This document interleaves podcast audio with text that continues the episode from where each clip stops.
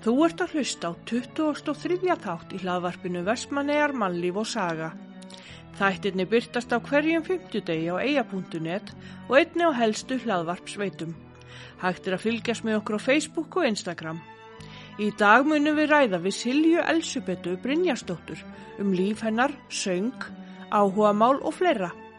Silja Elisabeth er fætt 15. ágúst 1991. Einni fáum við að heyra lægið Ágústnótt af plötu sem Silja Elisabeth hefur nýlega gefið út á samt helgubrindisi Magnúsdóttur píjánuleikara. Platan heitir Heima og inniheldur sönglög eftir Otger Kristjánsson. Síðar munum við fá að fræðast aðeins um lífriki Vestmanneja. Þátturum var tekinu upp í félagsmiðstöðinni í Vestmannegjum. Kondu sæl og blessuð Silja Elisabeth Brynjarsdóttir. Það er ég. Já, þú. Hæ, Alma mín. Og velkomin í hlaðarpið. Takk fyrir, takk fyrir að koma mig. Hver er Silja? Silja er söngkona, Já. alveg, ég myndi segja að það var í nummer 1, 2 og 3 Mm. og svo er ég vestmannegur Mm. og uh, með þjóðtíðaröttina í dag. Aðeins rám. Já. En Hérna, já, ég myndi nú segja að ég væri listakona og, og vestmannegur. Það er Já. svona mitt aðal einkenni. Já. Það er nú líka smá leikona í þér. Það er rétt, Já. það er rétt, sko. Má ekki gleyma því. Nei, ég á alltaf voða erfitt með að kalla mig sko út af því að núna Emma er söngkona hún er nú maður mentaður hérna, mentur söngkona og hérna þannig að mér finnst ég ekki geta að kalla mig leikonu Nei. Og ég er ekki mentu í því Já. En það kemur, það, það kemur. kemur. Þú ert nú búin að vera eitthvað smá samt. Já, í skólanum sko við lærum við leiklist Já, þannig hérna, óperan er náttúrulega bara ekkert nema leikrit sem er sungið einmitt. þannig að hérna, jú, jú, maður er alveg eitthvað mentaður í leiklist Já. það má alveg segja það Já. Og svo náttúrulega var maður mikið í leikfélaginu Já, já, Mhm. algjörlega. En hvernig eru fjölskyldu hægir þínir? Já, Formleg spurning. Gekkja formlegt. Sko hjúskapastaða mín Já. er, ég er ekki með neitt kall Nei, og engi börn, nei. þannig að ég myndi segja að fjölskylda mín er nú hérna fóreldra mínir, Mm Sindri Óskarsson og Ragnöður Borgþórsdóttir Já, og svo á ég sískinni, ég á hérna tvö sískinni sem búa heima Herborg og Teitur mm og svo á pappi sem sagt Óskar Alex og Guðbyrgu Sól já, En svo á hann blóðfæði minn, hann Binni, hann á tvö, tvo stráka líka. mm. Þannig að ég á nóga sískinum út um allt. þú ert rík. Já, ég er Já. það. En hvernig barn og úlingu varstu? Ég hef heyrt að ég var mjög góð. Já, Ég, hérna, mamma segir það alltaf, Já. að ég hef verið mjög góð. Og ég veit að það fer rosalega í töðanar á sískinum mínum. já. Hvað ég á mikið englabann. Hérna, nei, nei, ég var, ég var rosa stilt, sko. Ég held líka þegar maður á ekki sískinni, ná, nálægt sér í aldri, þá, það er maður held ég ekstra góður, sko. Já, Þegar maður svona, svona þessu sískinni geta verið, geta svona, hvað segir maður, svona æst hvort annað já, upp. mitt. Já, þannig að ég var ekki með það. Nei, Þannig að ég held að það var þessna sem ég hafi verið svona góð. Já. Ég, ef ég hefði sískinni á að ég örglega ekki verið svona, svona góð. varstu bara svona einu og dullir í eitthvað Já, svona. ég var svolítið þannig. Já. Algjörlega. En hvernig var að alast upp í eigum? Sko, um, vilt að ég sé alveg reynskilinn? Algjörlega, Ok. bara láttu það hérna- flakka, sko. Ég held að sé rosalega gaman að alast upp í Vestmannum ef þú ert góður í handbólt og fótbolta. Já, En ég held að geti verið mjög erfitt ef þú ert ekki inn í þessum hópi. já. Og ég átti bara svolítið erfitt með að alast upp í Vestmannum. Mm. Mér fannst það ekki gaman. Já. Ég hérna lendi í einelti í skóla og, og sem betur fyrir fann ég þess að ég fann mig í tónlistaskólanum það var eindislegt að geta farið þangað og verið þar. En svo setna kom hérna leikfélagið. Mm. og það bjargaði mér alveg, þar átti ég mitt skjól. Það var alveg frábært að hafa það. Já. en ég hefði nú alveg vilja fara hérna fyrr sko. Mm.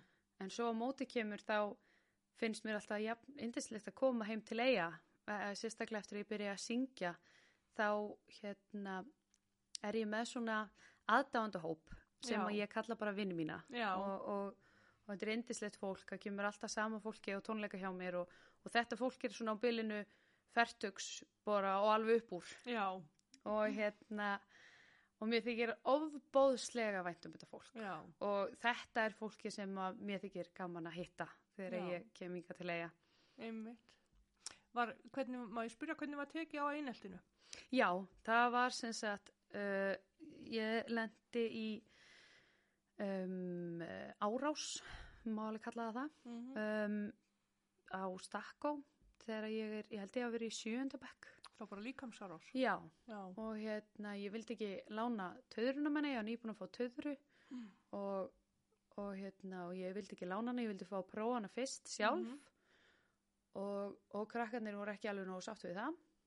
Þannig að þau bara riðust á mig. Og, já, og þegar ég kem heim þá er ég náttúrulega bláa marinn og, og hérna og, og þá segi ég mömmu frá því að, að það er nú búið að vera.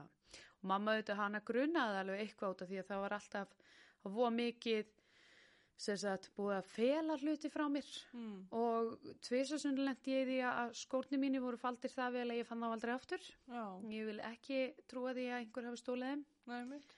um, og hérna og, og svo stundu verið að taka föti mín í, í leikum og sundu og hendaði minn í, í sturtu Mm, og svo leðis þannig að hérna já þannig að ég þannig að þarna segir mamma bara nei hingaðu ekki lengra. Og, og Mhm. hérna að hún fyrir bara strax daginn eftir að var akkurat að koma páskafrí eða hvort það hafi verið páskafrí þetta var eitthvað hana þannig að mamma fyrir upp á skrifstofu til skólastjórans og bara og hérna setur bara nefan í borðið. Já, og bara hingaðu ekki lengra. Já, nú hérna gerum við eitthvað í þessu og svona og, og hérna og við ég ætlaði semst að skipta um skóla fara í hamaskólan en skólastjórin vildi nú meina það, að það myndi ekki skipta neinu máli. Mhm, uh, þannig að við sleftum því.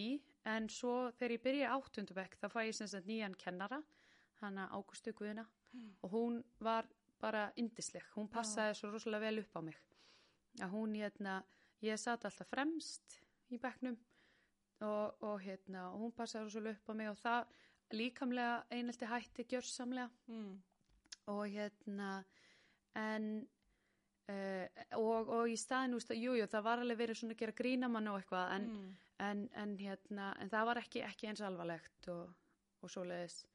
Þannig að hún hérna mann, hún alveg passaði upp á það. Það var, það var Mm. ekki verið að gera neitt svoleiðis og það var meira bara svona útskúfun já, sem kom svo í 8. 9. og 10. bekk já, svona hunsun eða svo já, já, akkurat og hérna, og þú veist og, og ég var bara kvöldu kennarasleikja á eitthvað svoleiðis sem að mér var nú alveg samum sko já, skipti mig einhver máli, ég var með mannesku handa með mér í liði sem að stjórnaði bekknum já, þannig að það var mjög gott og ég á henni mikið að þakka já, já, þetta er nú ekki gott. Nei, Mm.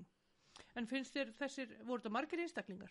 Já þetta voru nú alveg, alveg lang flestir sko. Já, og hérna, þá í, í bekknum eða í afgangunum fyrir ofan og neðan líka? eða? nei þetta voru eiginlega bara bekkurinn sko. Já, og hérna en ég held bara máli var að þau gerðu sér held ég ekkit grein fyrir hvað þau voru að gera. Nei, nei. ég var líka, ég var alltaf rosalega fljót og góð í að svara fyrir mig. Mhm, þannig að hérna, ég let alltaf eins og eins og þetta pyrraði mig ekki neitt. Já, og svaraði bara fyrir mig og svo leiðist þannig að hérna, þannig ég síndi aldrei neitt, neitt veikleika. Mhm, og, og hérna svo fór ég bara á klósett og greið þar. Einmitt.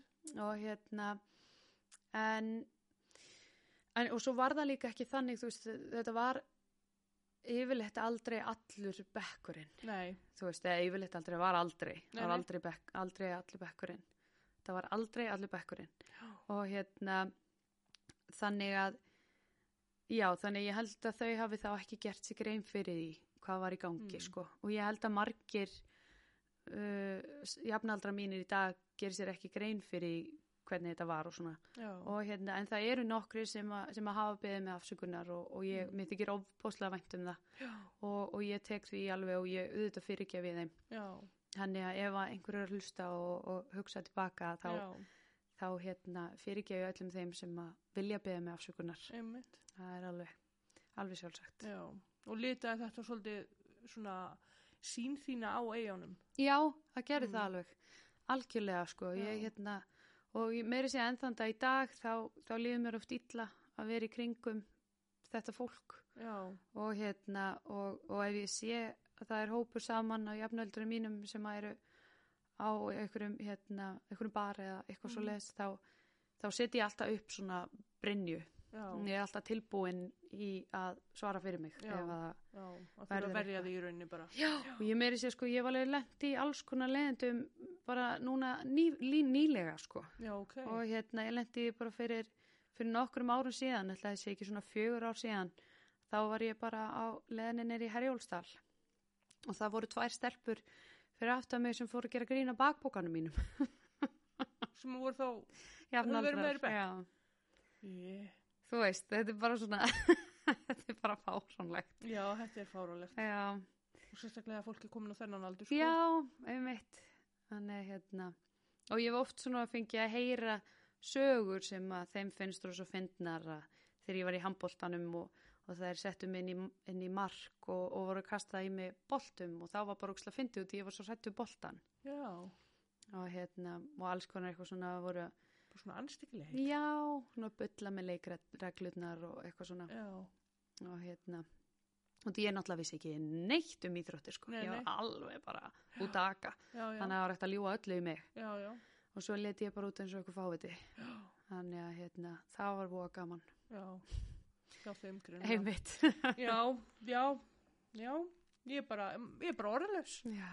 Hvernig fólk getur að hafa sér. já, einmitt, en eins og ég segi það var ég alveg vissum að, að þau gerir sér ekki grein fyrir því sko, Mm. út af því að eh, hérna, út af því ég brotnaði ekki niður eða Nei, neitt nei. svoleiðis ég, ég hérna, held bara, ég hló bara með og, og Já, hérna, já, en brotnaðir inn í þér. nákvæmlega og Já. fór bara einin Einmitt. klósit og greið þar Einmitt, sko, algjörlega. En það er svona hegðun bara ekki eðlileg. nei, nákvæmlega Það bara segir að það sé eitthvað mikið að Mhm. þeim sem að eru að leggja í nelti. Allan að ég horfið á þannig. já, Þannig að það er eitthvað, eitthvað öfundið eitthvað, einmitt, það er eitthvað á gangi sko, nákvæmlega að, eitthvað hérna, minnum átt að kent. einmitt, þannig ég vil segja við, við alla þá krakka sem er í sömu stöðu og ég að, að þið geti gert allt sem þið viljið og, Mm. og hérna, ekki hægt að vera þið sjálf Já, hafið trú á sjálfum ykkur. Einmitt. ég nefnilega held að þegar ég flutti upp á land þá er ég orðin tvítug. Já, þá held ég að hérna, allur minn persónleiki var í galli. Já, ég held að allt það sem ég hef fram á að færa væri bara hérna, já, galli bara. Mhm, að ég hef bara allt og hávær og hérna uh, allt og mikið að knúsa fólk og eitthvað, þú veist, það er bara Mhm. fáránlegt. Já, og hérna allt og glöð. Mhm, og, og þú veist, óþálandi alltaf að syngja át um allt Já. og þú veist, eitthvað raula og svona ógisla pirrandi og mhm. allt þetta, ég held bara að þetta væri bara mínir stærstu gallar Já, en svo fekk ég að kynnast bara indislegu fólki í söngskólinum í Reykjavík Mm. og hérna og þau náðu alveg að hjálpa mér að byggja mig aftur upp já. Og þetta eru bara þínu bestu kostir. Já, æ, takk fyrir það Mér finnst það allavega. Æ, takk Já, það, já, þetta lítan er alveg sínin á sjálfamann Já, ef maður lendir í svona. einmitt Hmm. Sem að er bara mjög, mjög súrt. Já, því að maður nákvæmlega fær ekki einhvern veginn rými til þess að vera maður sjálfur. Nákvæmlega, það Og er fær ekki akkurat rými til málið. að vera bara til í rauninni. Einmitt, Maður er alltaf einhvern veginn að draga sig úr og... já Og ég meiri sér gera það enn, enn þann dag í dag sko, í partí eða eitthvað svona það sem að eru mikið jafnöldur mínum, þá vil ég helst ekkit vera með, sko. Já. Þá vil ég helst bara standa aðeins í burtu eða Einmitt. ekki vera svona inn í hópnum. Já. Þannig að, Hmm. Nei, nei, þetta er náttúrulega ógeðslega tilfinning. Ekki það í einn raun. já, einmitt. En þú ert nú alltaf svona glöð og, og kátt, sko. Já, Ha. ég er það, ég er og það. bara, mér bara er ótrúlega stolt af þér hvað þú ert búin að ná langt í lífinu. Æ, takk fyrir Ha. það.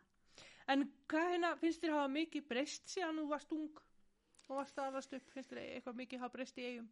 Sko, ég, veistu að ég bara veit það ekki. Nei. Ég, hérna, bara frá, hérna, mínu sjónarhóttni, út frá sjálfri mér, þá hefur margt breyst eins og ég talaði um áðan með að ég kom með bara nýjan vinahóp af fólki sem er mikið eldri en ég, sem að, mér, sem að ég býð eftir að hitta einmitt. þegar ég kem og ég lakka til að fara nýri krónu og nýri bónus og, og geisla og hitta Já. allt þetta fólk, þau eru svo indisleg Já, og hérna, og mér þykir svo vænt um þau. Já, og hérna þannig að já, þannig að það, það hefur breyst. En, en ég veit ekki ég held því miður að það hafi ekki mikið breyst hérna, með það að alast upp eða hvernig Mm. maður alast upp, elst upp í Vestmannum hvernig maður elst upp í Vestmannum held að það hafi ekki ekki breyst mikið Mm.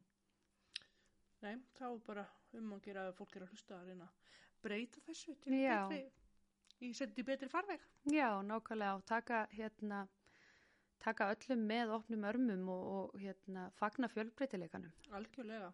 Það er bara indislegt að sumir vilji teikna og lita og, og Mhm. sumir vilji vera í fótbolta og sumir vilji vera í golfi og Mm sumir vilja vera í fimmleikum og sumir vilja vera að syngja og Já, það er bara að fagna því, taka Já. því fagnandi. einmitt.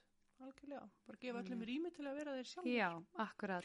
Og við erum orðna svo heimsbyggilega. Já, nákvæmlega. En hérna, hvenær byrjaði þér að vinna og hvar? Sko, ég byrjaði fyrsta giggi mitt sem Mm. að ég fekk.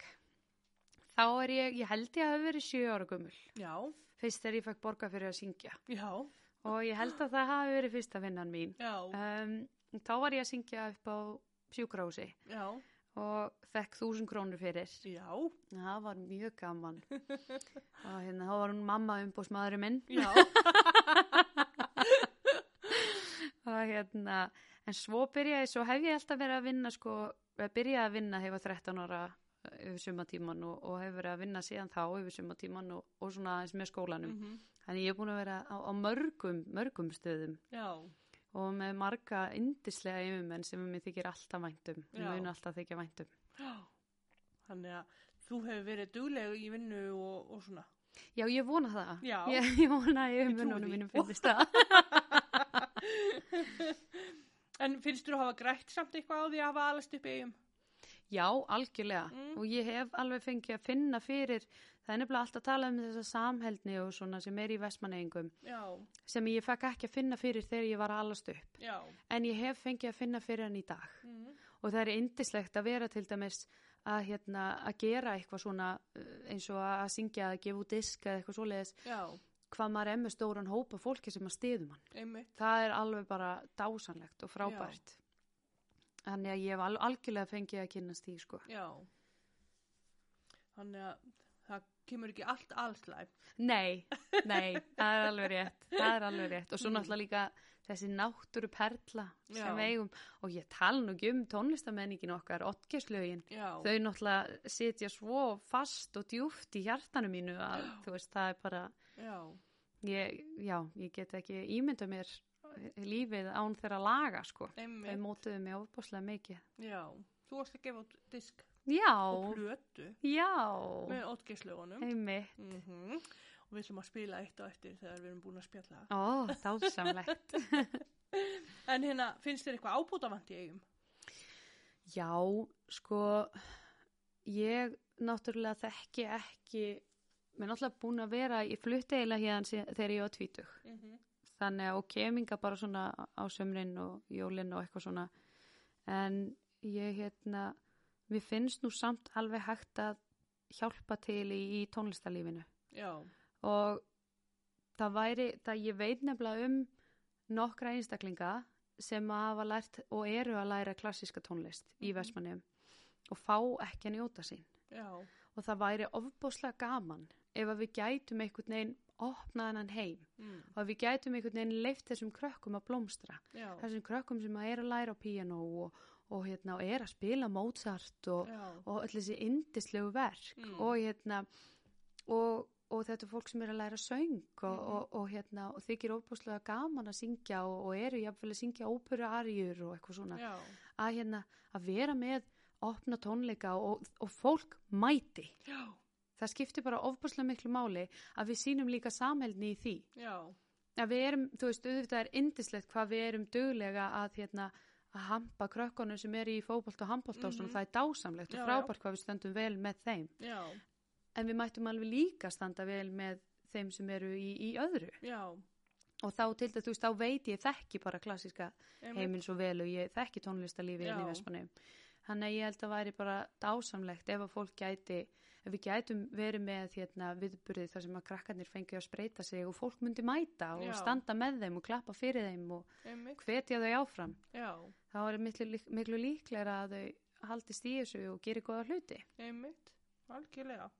Við erum bara að skella á svona einhverju svona klassískri helgi. Ó, það var svo Var frábært. ekki svona jazzhelgi hérna í Jú, það var að- mitt. sem að hann hérna skaftjörn, Já, var hann ekki svona fórsprakkin af því? það getur alveg Já, verið. minni það. Já, en hún var að- einmitt haldin til heiðus afa mínum. Já, Já, Þannig að, þannig að þá bara þurfum við að fara að halda hérna svona klassíska helgi til heiðus þíns. Ó, Segjum að það gerast til heiðus þíns. Jú, Já, ég ekki. held að. Ég held það líka. Koma krökkum að stað. Já, nákvæmlega. Ég held að það getur verið bara mjög sniðut. Ég held það líka. Góð hugmynd. Ég skal framkoma. Yes. En hvað ert að gera núna? Heyrðu, núna er ég að vinna hérna í eigum Mm. og ég er að safna mér smá penning. Já, Ég var að vinna í vinnbúðinni yfir þjóðtíðina og hérna þjóðtíða vikuna já, og er svona aukamanniski upp í eldheimum, já. kem þangað þegar það vantar og svona og svo er ég að fara að flytja út til Þískalands núna Já. bara í loka ágúst. En gaman. Mm Og hvert er þetta að fara til Þýskalands? Ég er að fara til Leipzig. Já.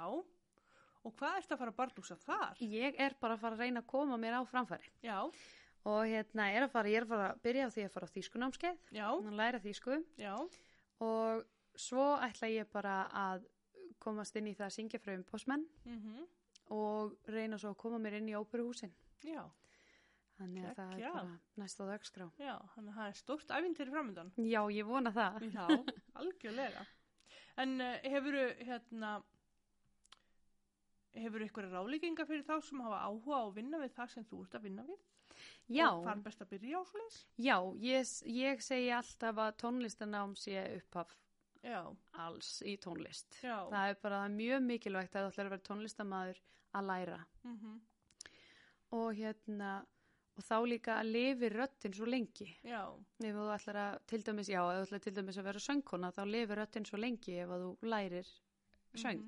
mhm, Þannig að hérna, þannig að, já, en ég mæli alltaf með því að fólk fari tónlistanám já, og læri eins, eins mikið og það getur. Og svo held ég að skipti ofbóðslega miklu máli að standa með sjálfum sér mhm, og ekki rífa sjálfum sig of mikið niður. Við erum nefnilega ofbóðslega gaggrinnin á okkur sjálf já, og þess vegna þurfum við stundum að klappa okkur á bakið og, og, og segja bara þetta gerður nú svolítið vel. einmitt, Þetta var bara svolítið flott, já, Já. vel gert. Ég held að það skipti ofbóðslega miklu máli. mm.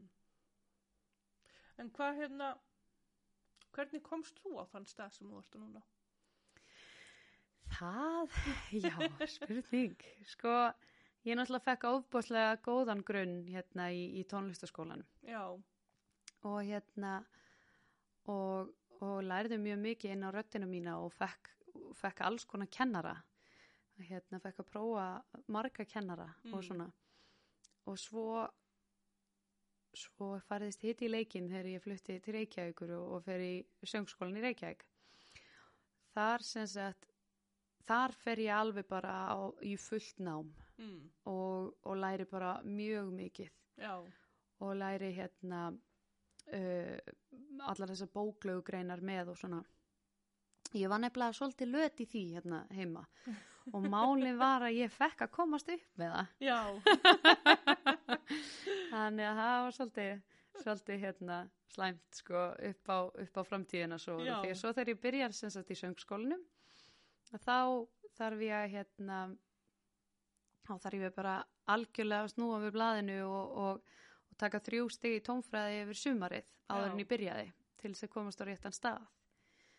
En áður en ég fyrir söngskólan þá sem sagt ákveð ég ég lendi sérst í því að hérna ég var í leikfélaginu var í mörg ári leikfélaginu og ætla svo að halda áfram, ætla svo að byrja aftur ég tek mér smá pásu og ætla svo að byrja aftur og, og kemst ekki inn í, í leikritin, það voru þess að tvö leikritir röðu sem ég komst ekki inn í mm. og mín upplifun var svo að mér leiði eins og það væri verið að íta mér út Já, bara svona höfnum. Já, Já, þú veist, þetta var líka bara svolítið minn griðastaður einmitt.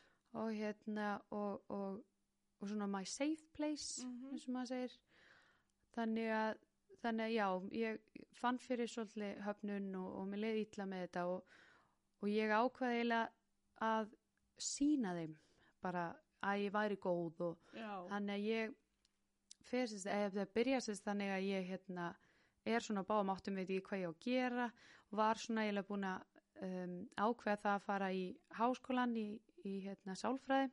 Mm. og, og þá sest Pála frænka niður með mér og hún segir við mig hérna en ég minna þú veist þið, þið langar samt ekki, þið langar miklu meira að vera í leiklist og svona, er það Mm. ekki? Og ég alveg jú auðvitað og, og hérna og þá var ég svolítið svona brotinn og, og ég bara já en þú veist ég er náttúrulega bara ekkit góð í því og ég næ ekkit að vera í því og svona. Hún bara jú þetta, þú ert bara hérna ofbúslega góð og, og Mhm. hérna þú ert búin að standa þér rosalega vel og allt þetta. Og þannig ég hérna, þannig ég alveg bara já en þú veist þetta er samt bara áhuga mál sko að vera svona í, í þessu. Hún bara nei, þú getur alveg við, við, við skulum bara skoða þetta, við fyrum á neti og fyrum að skoða skóla og svona og eitthvað. Þannig ég ákveð bara þarna að sækja um í, í leiklist. Og ég fer út til London eða í 19 ára gömul, fer í, í hérna, pröfur fyrir leiklistanám og kemst ekki inn eins þar mm. Og þá var einhvern veginn aftur bara svona eins og heiminur hundi Mm og hérna vissi ekkert hvað ég ætlaði að gera þannig ég kem heim og segi mamma og pappa bara já ok, nú er þetta bara búið, nú fer ég í sálfræðina. Já, og þá setjast þau niður með mér og þau bara silja mín nei, nei, við gefumst ekki svona auðveldlega upp sko.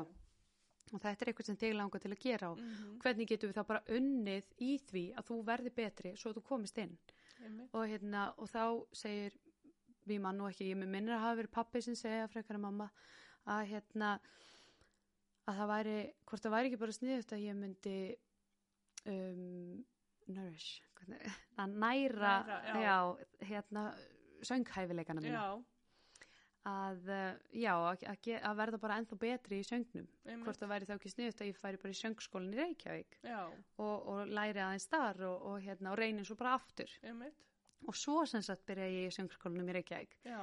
og þá fatta ég að hérna, nei býtu ég er að fara út um allt. Það er allt í lagi. Er Það má ekki? bara út um allt. Já, já, ok.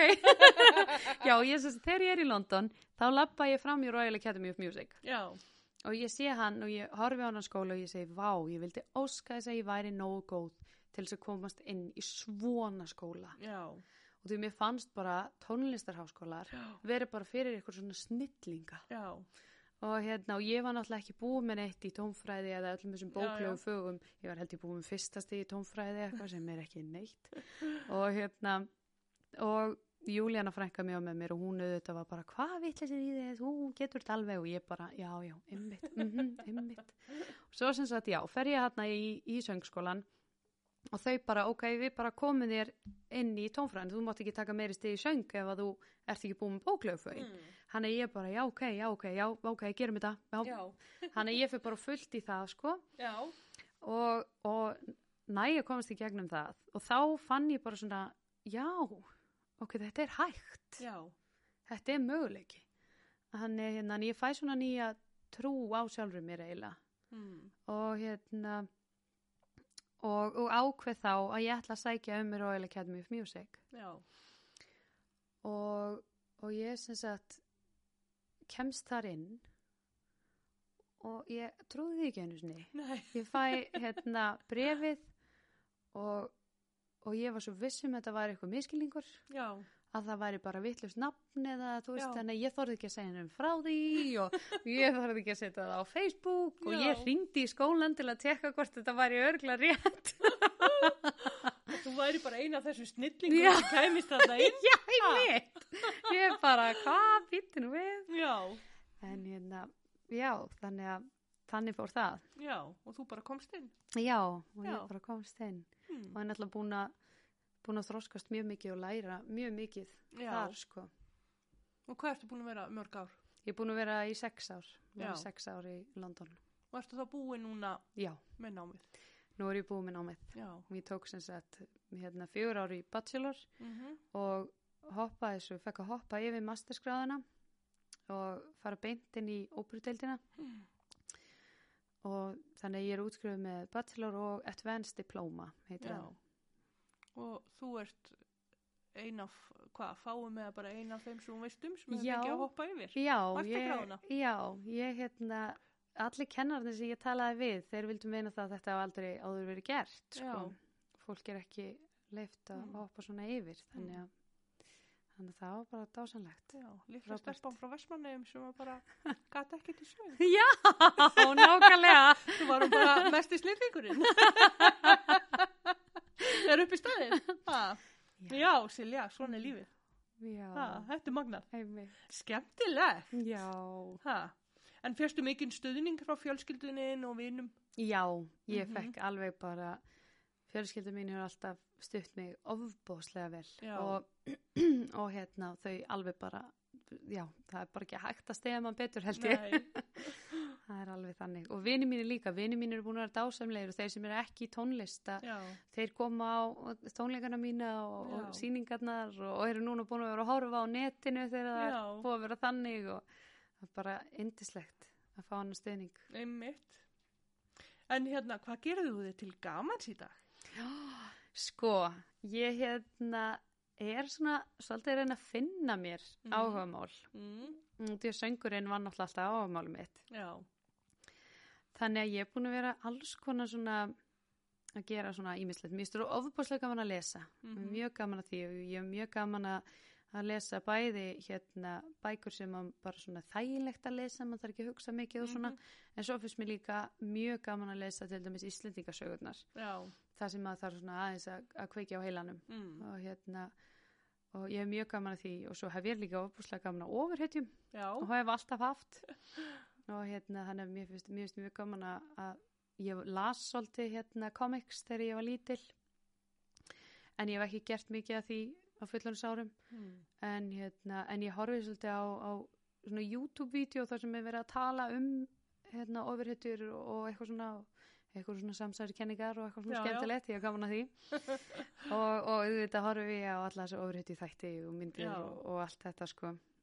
Og finnst gaman að svona grúska í því þegar já, að- það er eitthvað svo les hérna, en svo er ég sem sagt búin að vera aðeins í, í konfektgerð já, já, ég hérna, er búin að vera svona eitthvað að, að hérna að dúlla mér í því. Já, og það það er nú, ég, já, ég þurfti eiginlega að læra það betur sko, mér langar að, læra það alveg mjög vel, já, en það eftir að, læra tempra súkulega sko, ég, ég er svona að reyna alltaf að gera það eftir auganu en, en það tekst aldrei.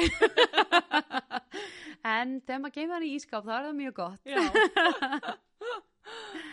já, þú varst að segja mér hérna sögu hérna fyrir stuttu síðan. Já, þegar þú varst að, í, uh, að gera hérna konfekt og já, þá kom eitthvað upp á hjá. Heyrðu, já ég var sem sagt, ég alltaf til konfekt fyrir hérna, krakkana í skólanum þegar við erum í sýningum. Já, þetta var út í London. Já, út í Já. London, já, já, einmitt, út í London.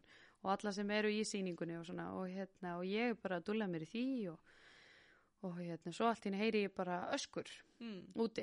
Mm, og ég slekka tónlistinni og kíkjum á gluggan og, og það er sem sagt maður bara í gardinu mínum mm, uh, sem að er bara alblóður mm, og hérna og, og ég náttúrulega opna gluggan og, og, og hann segir bara, þú veist, ringd á laurugluna og ég, ég ringi strax á laurugluna og ringi 112 og hérna og er með það á línunni og, og er að spyrja mannin hvað gerðist og allt þetta og, mhm, og svo hérna spyr um, the operator spyr sem sagt hvað hérna hvort að hann sé einn út í maðurinn ég sagði Mm. nei, ég sagði já á ég að fara út til hans. Mhm, og hann segir er það örugt mm. ég segi ekki humdu það, eru þið ekki að leiðinni? Já, og hann segir jú við erum búin að senda bíla. Ég bara ok þá ætla ég að fara út. Og hann bara Mm. ok þá máttu ekki skella á. Já, bara verðt í símanum. Einmitt. og hérna hann er ég fyrir út og, og sest með manninum í grassið og hann var náttúrulega hann var svo bólgin sko, hann gæti ekki opna augun. Jesús. og það bleddi bara úr augunum á honum og svona. Og Já. hérna og greið maðurinn var náttúrulega í algjöru uppnámi og, og búið að ræna hann sko. Og hérna þannig að ég, ég satt með honum í grassinu og, og hérna og var að, svona aðeins að reyna að hugga hann eitthvað. Mm, og, og það var svo skrítið að, að það að koma enginn út. Já, þú veist það var fólk í gluggum út um allt. Já, allir að fylgjast með, Já, en enginn fyr- kom. nei, enginn kom fyrir en Oh. eftir svona fimm mínútur kannski. Já, þá kemur fólk út og það stendur bara svona í hæfilegri fjarlægð. Já. þannig ég þarf bara að fara bara, heyrðu þú, far þú að leita þessum póka sem hann er að tala um með Einmitt. leiklónu sínum og eitthvað, þú voru að leita því far þú inn og náði Já. vasklas hann má drekka vatni, hann getur drukkið sjálfur þannig að þú mátt fara inn og Já, já. vasklas og þú far þú að hliðinu og síndu lögreglumönnum hvar við erum og sjúkrabílinu þegar þeir eru að koma Einmitt. þú veist, þetta var ótrúlega skrítið og voru einhvern veginn allir bara, Já. En þú varst bara vettvangsstjóri. já, eiginlega Já. þannig að hérna. En þetta var greið maðurinn, ég hérna, já, ég vorkind honum alveg óbúslega mikið og ég hugsaði bara sko, þegar ég sá hann að núti, ég hefði ekki viljað vera einn. Nei, Ég hefði ekki viljað lendi þessu Algjörlega. og vera einn, ég hefði viljað fá eitthvað út til mín til þess að róa mig og halda utan um mig. Algjörlega. Þannig að hann var líka algjört skrút þegar lauruglan var að koma á sjúkrabílinni og að reyna að setja, hann á börurnar sko.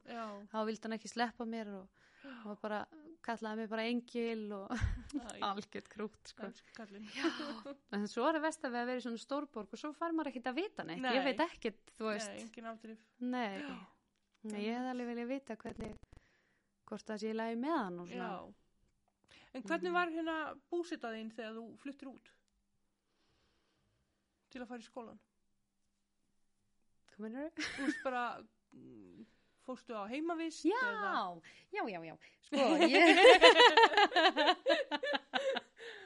ég sem sagt, hérna, flytt út og uh, fer í íbúð sem að skólinn á, held ég, þú veist, það getur vel verið að hann leiði þetta eitthvað, mér finnst samt eins og hann eigi þessar íbúðir. Já. og þar, sem sagt, þar bjó ég með tveimur árum krökkum Mm ég er 24 ára þegar ég flytti út Já. og þau eru 18 ára Já. Og er að flytja út að, he að heimann í fyrsta kipti Og það breytar eða?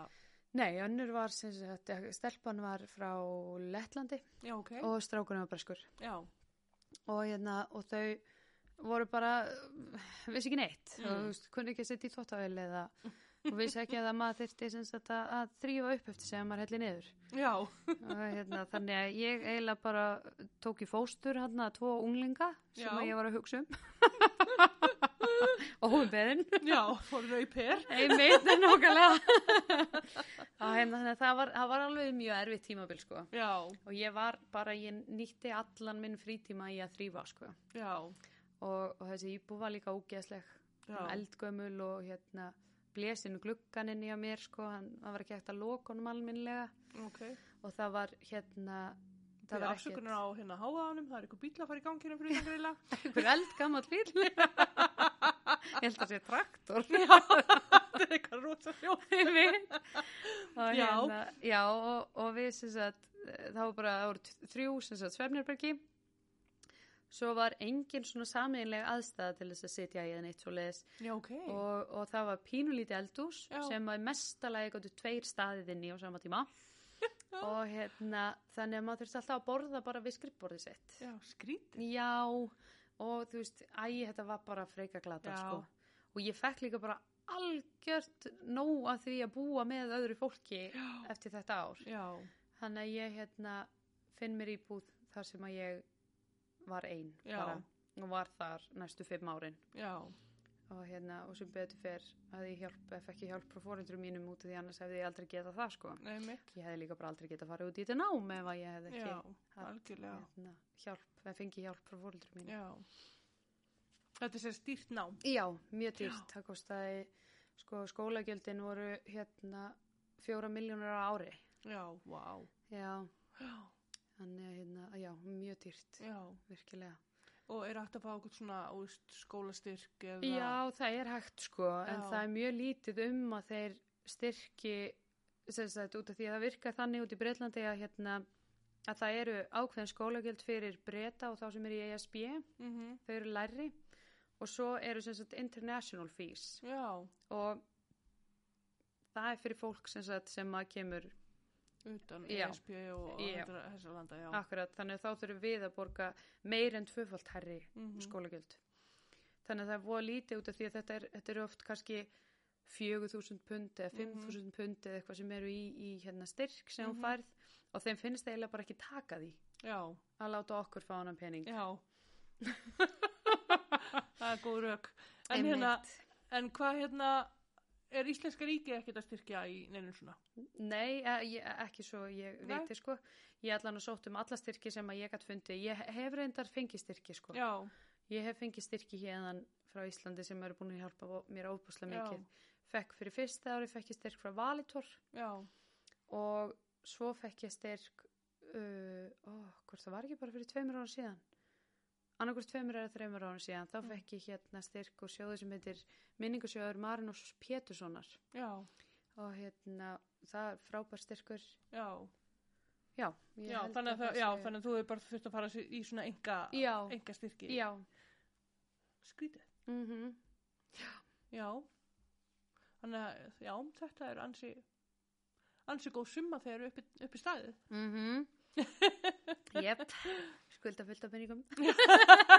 og ég er á lausu by the way. Já, en það er eitthvað fjársterkur aðlið hann úti að Sem vil borga skólagjöldum mín. Algjörlega. Eða skólalánin mín. Já, og endilega kaupið í diskinn Já, nákvæmlega. alveg mikið að reyna koma sér á framfæri. Það er að borga skuldirna. Já, nákvæmlega. Já, þetta, já, þetta hefur allt sinni að kosta og galla í þessu. Já, Ha? algjörlega. En ég var enda mjög heppin sko að komast inn í hérna óperudeildina. Já, Og því hún er algjörlega fjármagnuð af enga aðilum. já, ok. Og hérna, og þannig að það eru, það eru mjög fáir sem komast þar inn ennþá færri heldur en inn í, í bachelorin sko. Já, Og hérna, já þannig að það er fjármagnað. já, Það, það er frábært. já, algjörlega. Já. En hérna, já, ertu prakkari? Ég, mér langar ósað mikið að vera það. og, og þú veist, og ég vildi væri það út af því að þú veist, það er svo alls konar svona ykkur prakkarstrik sem fólk hafi verið að gera og eitthvað. Já, Ah, Og ég bara á engar svona sögur. Ég á engar svona prakkarsögur. Og það er alveg glatað. Ég held sko máli sé bara, ég er alltaf mikið róla. Ég er bara, þú veist, ég er svo hrætt um að gera eitthvað ránt. Ég er svo hrætt við, hérna, við að brjóta reglur og eitthvað. Mm. Ég, ég, hérna, ég held að sé bara það. Mm. Ég er bara leiðileg.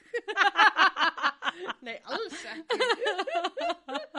en það er, það er alltaf hægt að verða prakkari, sko. Já, ég Já. kannski byrja bara því. Þegar ég er bara náttúrulega núna. eftir 15. ágúst. Já.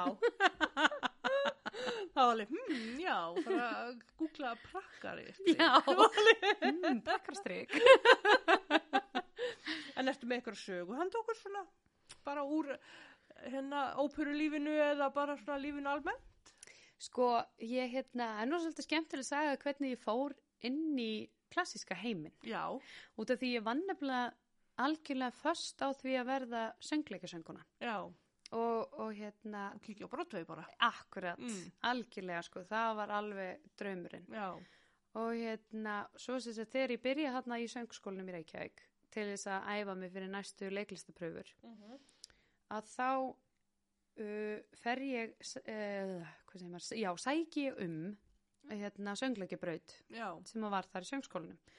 Svo er ég bara að fara að byrja og þá er henni lokað, mm. söngleikabrautinni. Þannig að hérna, fólki á skrifstofunni tala við mig og segir hérna, heyrðu, langaði ekki, viltu ekki bara koma samt í skólan, úr búin að borga skólagjöldin og svona og, og hérna, já, komið til Reykjavíkur og viltu ekki bara prófa klassísku brautina og Mm. þetta er, það er rosa góða grunnur fyrir allt. Það er voru gott að vera með klassíkina og svona. Og ég bara, jú, jú, prófum það bara. Og hérna, og ég bara algjörlega fjall fyrir klassísku tónlistinni, sko Mm.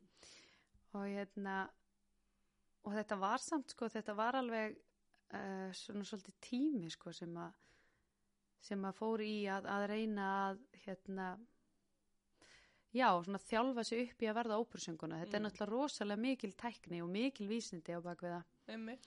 og hérna þannig að, þannig að það tók mig alveg svolítið, svolítið það tók mig svona kannski tvö ár að virkilega falla fyrir tónlistinni eða klassísku tónlistinni Já, Þannig ég tala alltaf um það að klassísk tónlist sé svolítið svona eins og rauðvín, eins og gott rauðvín. já, Að maður þarf að læra að drekka það, sko. Mm. Alveg eins og maður þarf að læra að meta klassíska tónlist, Já. kunna meta hana og hérna læra að hlusta á hana. já. Þannig að, já, Og hlustar eru alveg bara á klassiska tónlist í dag? eða? nei, Nei, ég hlusta á allt Já. og ég hlusta til dæmis rosalega mikið á Disney-lög. Já, Það er alveg, sko, ég er eiginlega með tvo playlista sem að ég hlusta mest á annar er sem sagt partyplaylisti minn Mm. svona ég hlusta nefnilega rosa mikið á tónlist þegar ég er að þrýfa eða elda eða eitthvað svoleiðis. Og hérna og annar er partyplaylisti minn og þar er sem sagt mikið af 80s og 90s lögum Mm. og hérna uh, Rosa pústur er á þessu bíl. Já, ég veit Akkurat og hérna er 80s og 90s lög og, og svona eitthvað svona lög nýleg lög sem að mér finnst bara rosa góð Já, og svo er hinn playlistin eru distilög já, þannig að það er bara, ég er alltaf í stöðu fyrir annarkort sko. já. Er Þú ert búin að syngja svolítið af svona cover, já, Disney cover hérna og setja á YouTube. já, Varst akkurat svolítið í því hérna áður? Já, ég var svolítið í því, mér Já. fannst það mjög skemmtilegt og það var svolítið svona hérna um, svolítið svona hobbyið mitt. Já, að þú veist, því að þegar að maður fór svo alveg í klassísku tónlistina þá, þá sérstaklega þegar maður er svona að byrja að læra mm úps, þá getur maður ég er að hella hérna út um allt. Þá getur maður eiginlega ekki hérna eða mm, þá þarf maður algjörlega að einbytta sér að henni. Og, og, og, hérna, og maður getur eiginlega ekki verið að syngja eitthvað annað á meðan. Nei þannig að ég, þannig ég fekk eiginlega svolítið svona útrásina já, í að setja inn á YouTube og, og Mm. svoleiðis þessi lög svona einstakar sinnum. Já, En núna í dag þá, þá er það allt öðru sér sko, ég get alveg skipti yfir bara eins og, eins og mér listir. já. Ja, það er búið gaman. En hvernig er samkeppnin innan óperuheimsins? Hún er bara mjög hörð sko, Já, mikil samkeppni.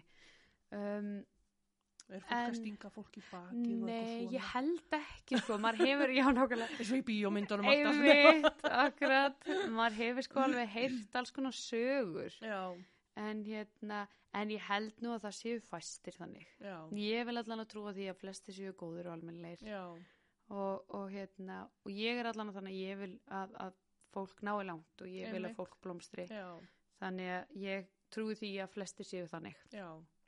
og ég held líka bara eftir því sem hún ferð herra upp Mm að þá séu flestir bara almennlegir og út af því að það er líka bara þannig að ef, ef það er gott að vinna með þér einmitt. þá, þá færðu hérna fleiri verkefni og svo Já, þannig að ég held að það fólk komist lengst já, sem að er bara almennlegt og, og svolítið humble. Já, þannig að þannig ég ætla allan að vera þannig. Já. Og ertu búin að hitta mikið á svona uh, frægum óperusöngurum? Nei, ekki mikið, Nei, en ég er alveg búin að hitta nokkra. Já, og hérna, og svo eru náttúrulega, þú veist, svo eru náttúrulega uh, tónlistamenn sem koma oft í skólan, alls konar tónlistamenn mm sem koma oft í skólan og eru með fyrirlestur og svona og Mm. hérna, og hann Elton John var til dæmis Já, komið um ok. daginn og var með fyrirlestur og það var alveg dásanlegt já, það var alveg frábært að fá að sjá hann og hlusta Mm. hann það var alveg indislegur ábyggla með mörg svona, maður að segja, gullkorn og svona. Já. Er ábyggla mjög vandaður einstaklingur. Já, Allan eftir að hafa hort á myndina. ó já, ó þetta er geggjumynd Já, úst, hættir í öllu rugglinu og svo Einmitt. er hann bara svolítið einbyttur í því að hjálpa fólkinu já, að komast út úr rugglinu nei mitt þegar það er komið og langt Akkurat. Mm Þannig að, já, magnað. Já. Og hérna, já, og hvað stefnur að svona, hvert stefnur svona í framtíðinni? Ertu með eitthvað svona markmið? Sko, já, ég er, ég er með markmið, en mér langar svona að byrja á því að segja að ég sem sagt elska tónlist svo mikið Mm. að mér langar bara að vera í tónlist Já, og, og ég verð sátt ef ég fæ að vinna með, við tónlist. já, Saman hva, hvað það verður, sko, hvort það sé í óperuheiminum eða söngleikaheiminum eða, eða jazz eða pop eða hvað sem það er, sko. já, Og hérna, eða blanda þessu öllu saman. já, Um, en stefnan er algjörlega óperuheimurinn, sko. já. Mér langar að hérna að verða óperusönguna Mhm. og, og fá samning í óperuhúsi og, og hérna og algjörlega gera það sko mm. Varstu búin að skoða eitthvað hérna kostina að vera hérna heima? já, ég á búin að gera það Mm -hmm. og hérna og ég, mig langar rosalega mikið að komast inn í, inn í óperuhús þar sem maður er stanslust að læra nýja rullur og, hérna og það er verið að setja kannski upp þú veist, 6-8 óperur á ári eða Mhm. eitthvað en hérna en íslenska óperan hérna heima hún setur upp eina óperu á ári Já, og hérna kannski tvær svömmum Já. leikarum og, og ég er líka þannig rattýpa að Mhm. ég myndi ekki fá hlutverk þó svo ég, þú veist, þó svo var mér var lofað að vera í, öllum, Já, öllum óperum, þá var ekki hlutverk fyrir mig í öllum já, óperum. Þannig, að, hérna, þannig ég vil frekar komast inn í, inn í eitthvað óperústa sem að maður er í, í öllu bara. já. Með hvað rödd ertu? Ég kann Ég ekki er, gáta. nei, ég er sagt, ég er mezzosopran sem að er sagt lærri kvenröddin. já, ok. Það eru sagt, við tölum eða bara um sopran og mezzosopran. Já, Sumir tala um kontralt, mhm, en það er ekki, ekki allur, allur heimurinn sem gerir það. mm, Og kontralt er eiginlega bara með sama ratt svið og mezzosopran, mm, nema bara með dekkri rödd, eins og maður segir. Já, Þannig að ok. hún hljómar eins og hún sé dýbri, já, en er það ekki. Að, og ég hef ofta hefur stundum svona verið talað um að ég gæti jafnvel verið kontralt, mm, en ég er allan svona lág mezzosopran. já, Þannig að ég á auðvöld með að syngja svolítið lágt og svona. já, Og hérna, já. þannig að já. Og svo ertu alveg ástfangin af svona íslenskum, eða vestmanniskum, á maður að segja vestmanniskum. Já. Jú, segjum það bara. Já. Vestmannisku lögunum, Ó, já. ha, þessu gömlu. Og sko, Oddgeir á bara mitt hjarta. Já. Alveg bara. Mér líður alltaf eins og ég sé náskildunum. Mér líður eins og ég sé bara, veist, eins og hann sé bara afi minn og þetta Já. sé bara mín arfleið. Já. En hérna, en það er ekki raunin. En hérna, en ég alveg, þessi lög sko, þau eiga hjarta mitt. já, Og búið að vera draumi minn í mörg ár að taka þau upp. Og, og svo fer ég sérst að vinna með henni Helgubrindisi mhm, og, og við erum að æfa fyrir tónleika hérna, ég held að það hafi verið, það var annarkvort 2018 eða 19, ég man það ekki alveg. já, Við vorum að, hérna í gömlu höllinni, já, við vorum með tónleika og vorum með Oddgeir og óperur, eða óperur og Oddgeir. Og, og við ákveðum sem þegar við erum að taka æfingu, þá segir Helga bara, Silja það er, það er okkar skilda að taka þessi lög upp. Mhm, og, hérna, og ég bara, já, ég er til. mm, bara svo sannarlega. Þannig við förum eitthvað svona pæli því og, og, og ákveðum að segja það á tónleikonum já, segja bara hérna okkur langi óbúslega mikið að taka þessi lög upp út af því að þau verða líka að vera til á upptöku mhm, í, í Oddgeirs útsetningum já, og hérna útsetningum Oddgeirs.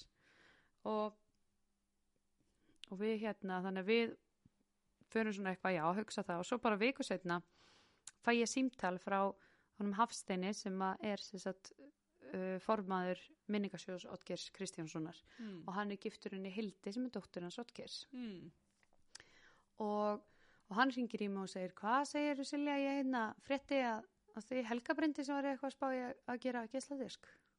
Og ég alveg já við, við, erum að, við erum að hugsa það. Eru þið eitthvað byrjaðar? Og ég alveg nei við erum ekkert byrjaðar sko bara ekki neitt, við erum Já. ekkert byrjaðar að pæla eins og hvernig við ætlum að fjármagna þetta eða neitt og hann já, bara já. Ok, mér langaði nefnilega að ringi og segja að það er minningasjóður um Oddgeirs, eða það er til minningasjóður um Oddgeirs, Odd, mm, það er til minningasjóður Oddgeirs Kristjánssonar. Já, og hérna og ég bara, já, ok, frábært ok, gott að vita því. Og ég hérna, já, ok, þá, þá sendi ég bara umsögn í hann. Og hann alveg, já, mér langaði nú líka sko að segja þér að að við erum alveg til í að fjármagna þennan disk já, og ég bara, vá já, og hann bara, "Æ, ef þið hafi áhuga sko. Já, og ég bara, já, já, við höfum áhuga, takk.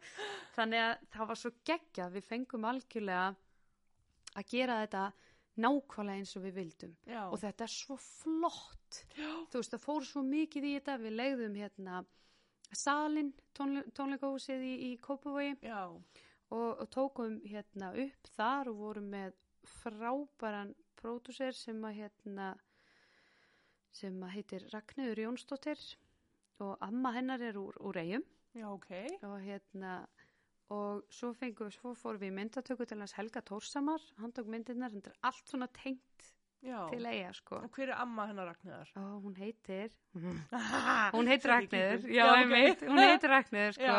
En hún er með eitthvað svona Ragnöður á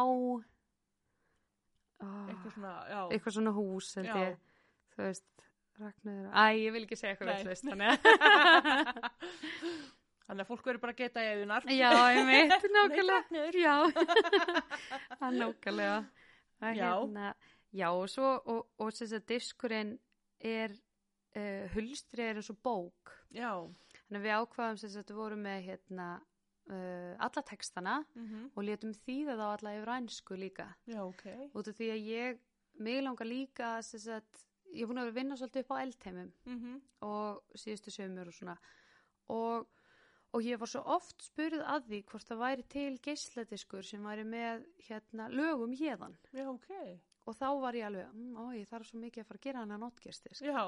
og hérna og, og þá hugsaði ég að væri dásamlegt að Já. geta verið með þýðingu Einmitt. á lögunum þannig, hérna, þannig að nú er það allt til og, og við hérna svo sem sagt svo fengum við hana Kristínu Ástgersdóttur, dóttur hans Ása í bæ Mm. til þess að skrifa texta um Ottger Já, ok. og hérna bara frábær texti og búslega vel skrifaður flottur Mm.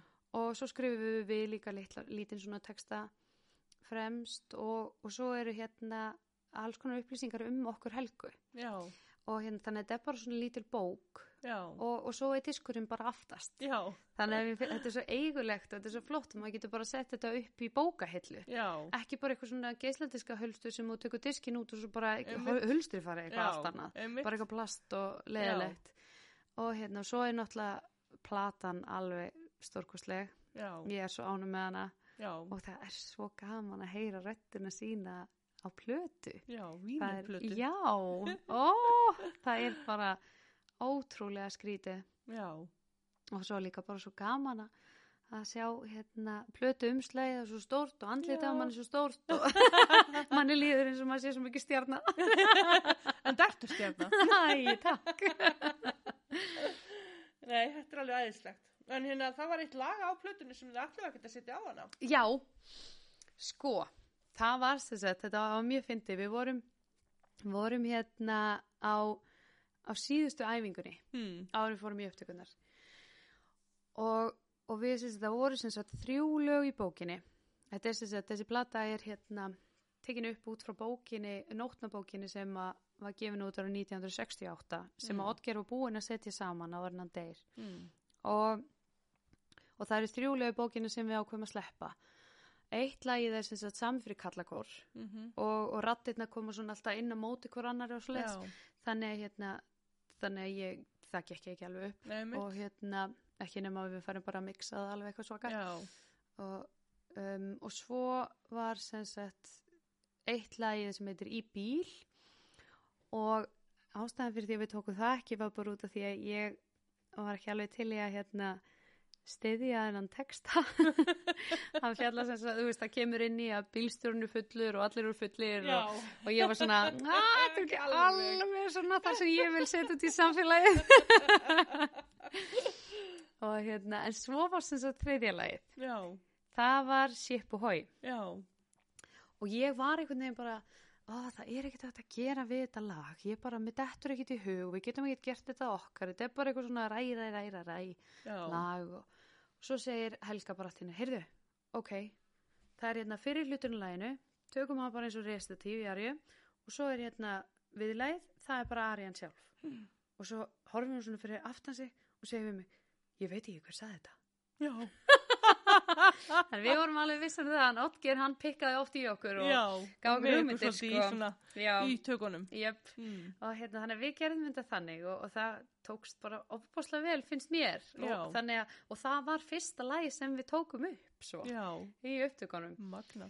En viltu útskýra fyrir okkur hvað er, Já, algjörlega sko, ég kann ekki einu svona að segja þetta. nei, sko það er sem sagt þannig að hérna arjur eru lög sem er komin í óperum Mm -hmm. þar sem uh, personan eða ein persona í óperunni er ein að syngja Já. og, og resitatív kemur yfirleitt á undan Mm. eða er, já, lang, eða þú veist það kemur ef að resitatív er þá er það alltaf á undan Mm. og hérna kemur sérst á undan arjunni Mhm. og resitatífið er sem sagt eins og bara uh, uh, monolog eða Já, svona bara bara spjalliðla. já, eiginlega, það sem að hérna, það sem allt kemur fram Já. það sem hún segir hérna, hvað að gerast og allt þetta og, og hérna, Eiginlega bara sögu Já, þráðurinn söguþráðurinn. sögutráðurinn kemur eiginlega fram í þessum restatífum Já. alltaf og hérna þannig að það má svolítið svona leika sér með það Já. það má svolítið svona þú veist ef að, ef að hérna eins og til dæmis nótunar af, af Ship og Hói eru sjómannslíf, sjómannslíf, mm Mhm. já, en þú, veist, þú getur gert sjómannslíf, sjómannslíf, Já. þú veist, þú getur svona aðeins leikið með Já. taktinn og tekið svona til og frá, Mm þannig að hérna, það er sem sagt restatív. Já. Þú þarft ekki alveg algjörlega að fara eftir, eftir nótunum, freka bara hvernig þú myndir segja orðið, Já. það er miklu frekar. Þannig að við, hérna, þannig að við gerðum það og, og mér fannst það bara ganga mjög vel. Já. Ég er mjög ánægð með það. Ég er spennt að hann disk. Já, Já, ég trúi því að, að Otger hefur ábygglega verið aðeins með ykkur hann. Já, við fundum allavega alltaf fyrir einhverjum í salnum sko, Já. þegar við vorum að, að spila sko og syngja Já. á, eða taka þessi lögu upp, Einmitt. þá fundum við alveg fyrir einhverjum. Já. Ég var einmitt hérna að vinna eins í hérna, þjóðtíður útverfinu, Guðfunni, Já, og ákvaða að spila öll þjóðtíðalögin frá upphafi. mm. Notaði bókina sem að hún Laufey Jörgesdóttir gaf út, og svo geggjubók. bók, Já. undir fagra ævintýr. Mm -hmm. Og hérna, það voru nokkuð lög hérna sem að eru til textar en ekki laglínan. Já, einmitt. Fundu þið eitthvað? Það eru sko nokkur, sko hún Laufey var í, í sambandi við Hafstein og Hildi Mm. þegar hún var að gera þessa bók Já, og það eru nokkur lög sem eru ekki til já, bara á nótum einmitt. þannig að þau hafa bara týnst og glemst Já. veist, þannig að hérna, já, það eru nokkur lög sem Já. eru ekki til sko. Þannig að þið hafi ekki fundið neitt svona eitthvað sem hefur Nei, ekki verið sérst áður. nei, Nei, meður það kemur, það kemur Já, kannski. nákvæmlega Ég er svo spennt. Eftir að ég var að sá þetta, þá er ég bara, ha, byrju það er til textan en ekki lögin. Hmm. já en það er er samt sko mörg þessara laga e, hafa, hérna, hefur verið breytt rosalega Já, mikið. Já. þannig að við tökum þau algjörlega tilbaka eins og til dæmis glóðir Mm hefur ekki já, hann reyndar hann Hafsteinn hérna, svona Þórólfs hann tók upp nokkur af þessum lögum Já. og hérna, hann tók náttúrulega þau upp alveg rétt og svona. Mm en hérna en, en ekki öll, það eru nokkur lög sem að hafa ekki verið tekin upp alveg eins og Nótger skrifaði Já. þau sko og hérna, þannig að þess vegna fannst okkur svo rosalega mikilvægt að við myndum gera það Já. það var diskur sem kom út 91 Mm þar sem að hérna þar sem að uh, Dittu var að syngja mikið og. Bergþór Pálsson Já, og svona ok. og, og það var, um, mér finnst það endislegur sér diskur og ég hlustaði mikið á hann þegar ég var batn og Mm. ég held að hann hafi aðalega verið mér, þú veist, mér fannst Ólaf Skauks útsendingarnar æðislegar og mér finnst Mhm. það endislegar og allt það en mér fannst einhvern veginn ég fann einhvern veginn meira fyrir, fyrir hinum sko. Allan sérstaklega Dittu söng Já. Hún Dittu alveg endislega Mhm. og hérna þannig að já, þannig að hérna, það voru svona sömlög sem að sem að áttu held ég að vera eins og hann skrifaði þau Já. og en svo kom symfóníuljónstin inn í þetta og, og, og, og hérna, þetta var rosa grand og flott og svona Mhm. en þá breyttist lögin aftur Já. aðeins Já. og svona hann er hérna, þannig við ákveðum já, hann er við ákveðum að það við erum bara tvær Já. það er bara hann skrifaði fyrir píano og söng Já, já. þannig að við gerum þetta bara algjörlega þannig Já. Magnað. já Ertu að semja eitthvað lög? Nei, ég er, ég er ekkert í því, ég hef Nei. alveg eitthvað reynd, sko, en það er bara hryllilega ljótt. Ég bara hef þetta ekki í mér. Ekkert að skafa þín eitt. Nei, það er hryllilega lög, sko, það fara enginn að heyra þau nokkuð tíman. Ég þarf nú að fá að heyra þau. Nú er ég á forvitin, sko. Já, nei, magnað. En hvað hérna, ertu með eitthvað svona, uh, eitthvað verkefni svona í, Já, á bakveirað? Sem Það þú mátt segja okkur frá? já, það er eitt sem ég má segja ykkur frá, Já. sem er bara alveg að fara að gerast.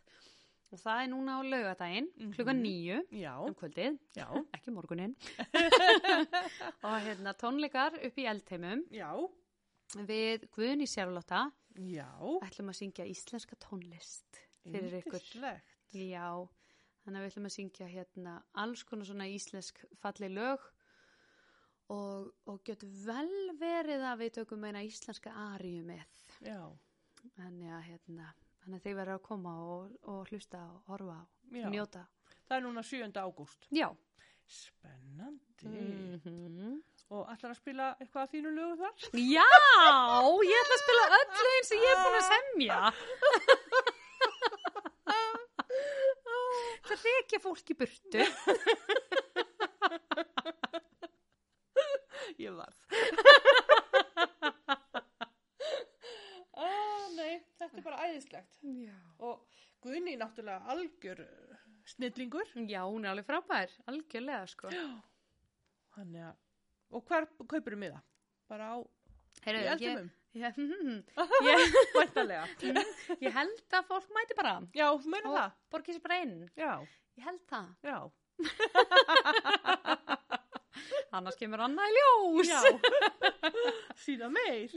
Hmm. Nei, þetta er bara aðeinslegt og bara takk kærlega fyrir að koma og aldrei að vita um að maður fái að taka spjall á því svona þegar að lengra líður. Já, nákvæmlega, algjörlega, ég er alltaf til. Já, kíkir kannski utanlandsferð og Þískalandinu. hvernig væri það? Þú ert alltaf velkomin. takk. bara takk kærlega fyrir að koma og spjalla. Ó, Ó, ekki að vilja segja mig. eitthvað í lokin. Ég held ekki. Já. Ég held að ég sé bara búin að segja allt sem ég langaði til að segja. Já. bara takk kærlega fyrir að koma Já, takk fyrir mig. og bara gangið er vel. Takk Bara fyrir. pói pói.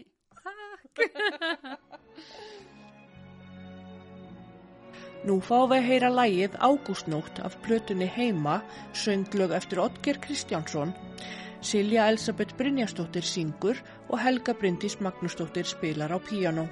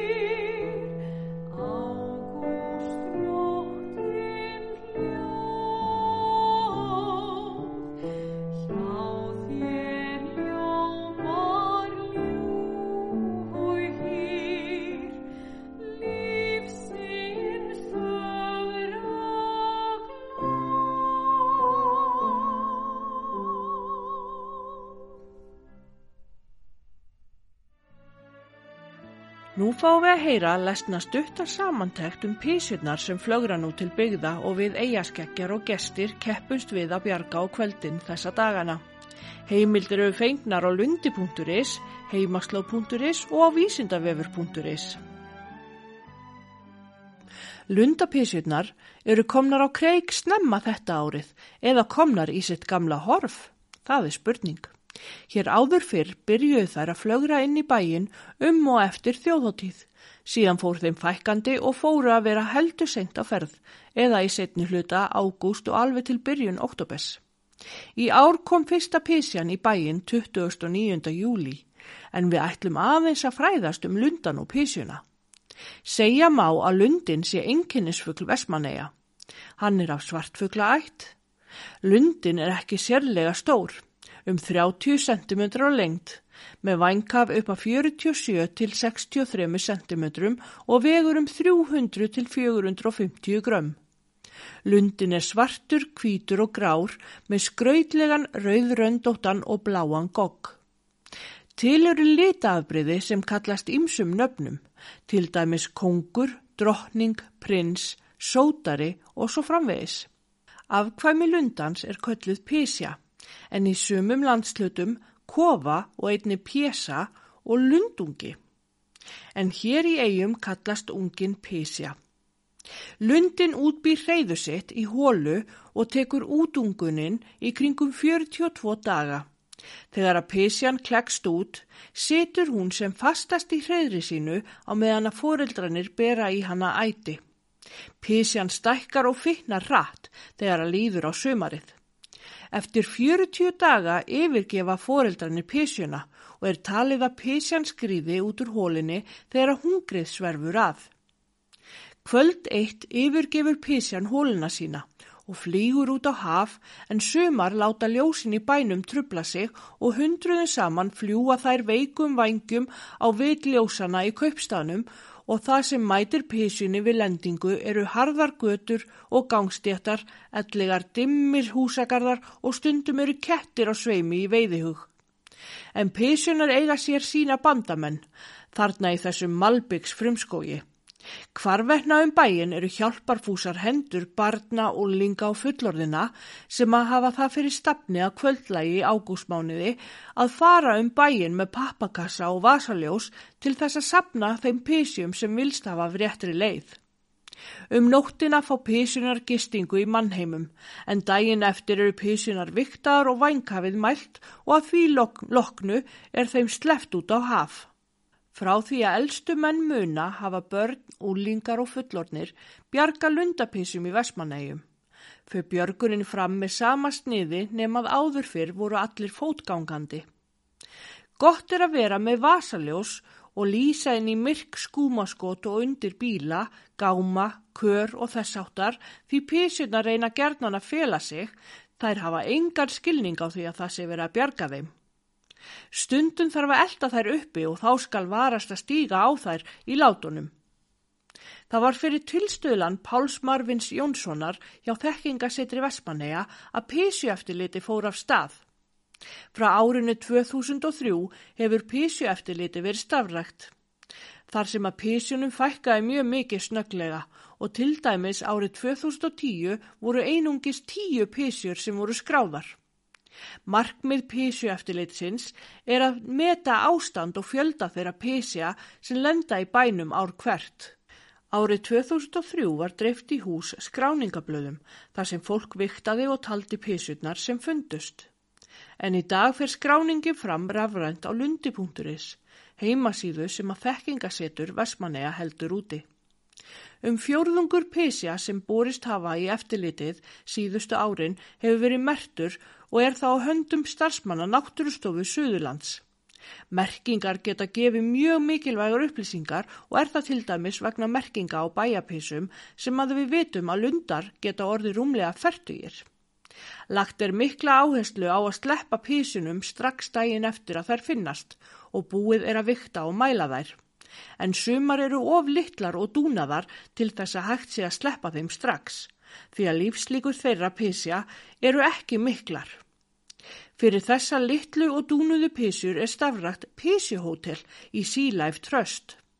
Þar sem þær fá að dvelja í nokkra daga á meðan að það er verið að þingja þær nokkuð og leifa þeim að losna við dúnin að mestu og þá eru þær tilbúnar í að halda á haf út. Einnið er eitthvað af písjum sem lenda í því að verða ólíublöytar eða lenda í grút eða öðrum óhreinindum og þarf þá að reynsa þær og endurhæfa áður en hægt er að sleppa þeim. Mikilvægt er að líka að klappa ekki písjum of mikið eða handleika þær því að þá getur þær mist fytuna úr fyrinu sem er þeim svo mikilvægt til að halda vatni frá líkamannum. Písutímin er tímin sem allir hjálpa stað við að berga þessu litlu sætu písjum og koma þeim í hafið. Við mannfólki þurfum að muna að passa okkur í umferðinni, nælum í okkur endurskismerki til að vera sínileg og skellum batteri í vasaljósið og finnum okkur nógu mikið af pappakossum til að hýsa písurnar áður en þær fá að fljúa á vit ævintýrana á hafinu. Munum að skrá písurnar á lundi.is. Einni er þar fróðleikur sem gott er að lesa áður en haldir af stað og hægt að skoða myndir af björgurinni síðustu árin. Í þessum töluðu orðum, núna 4.8.2021, er búið að skrá 57 písur.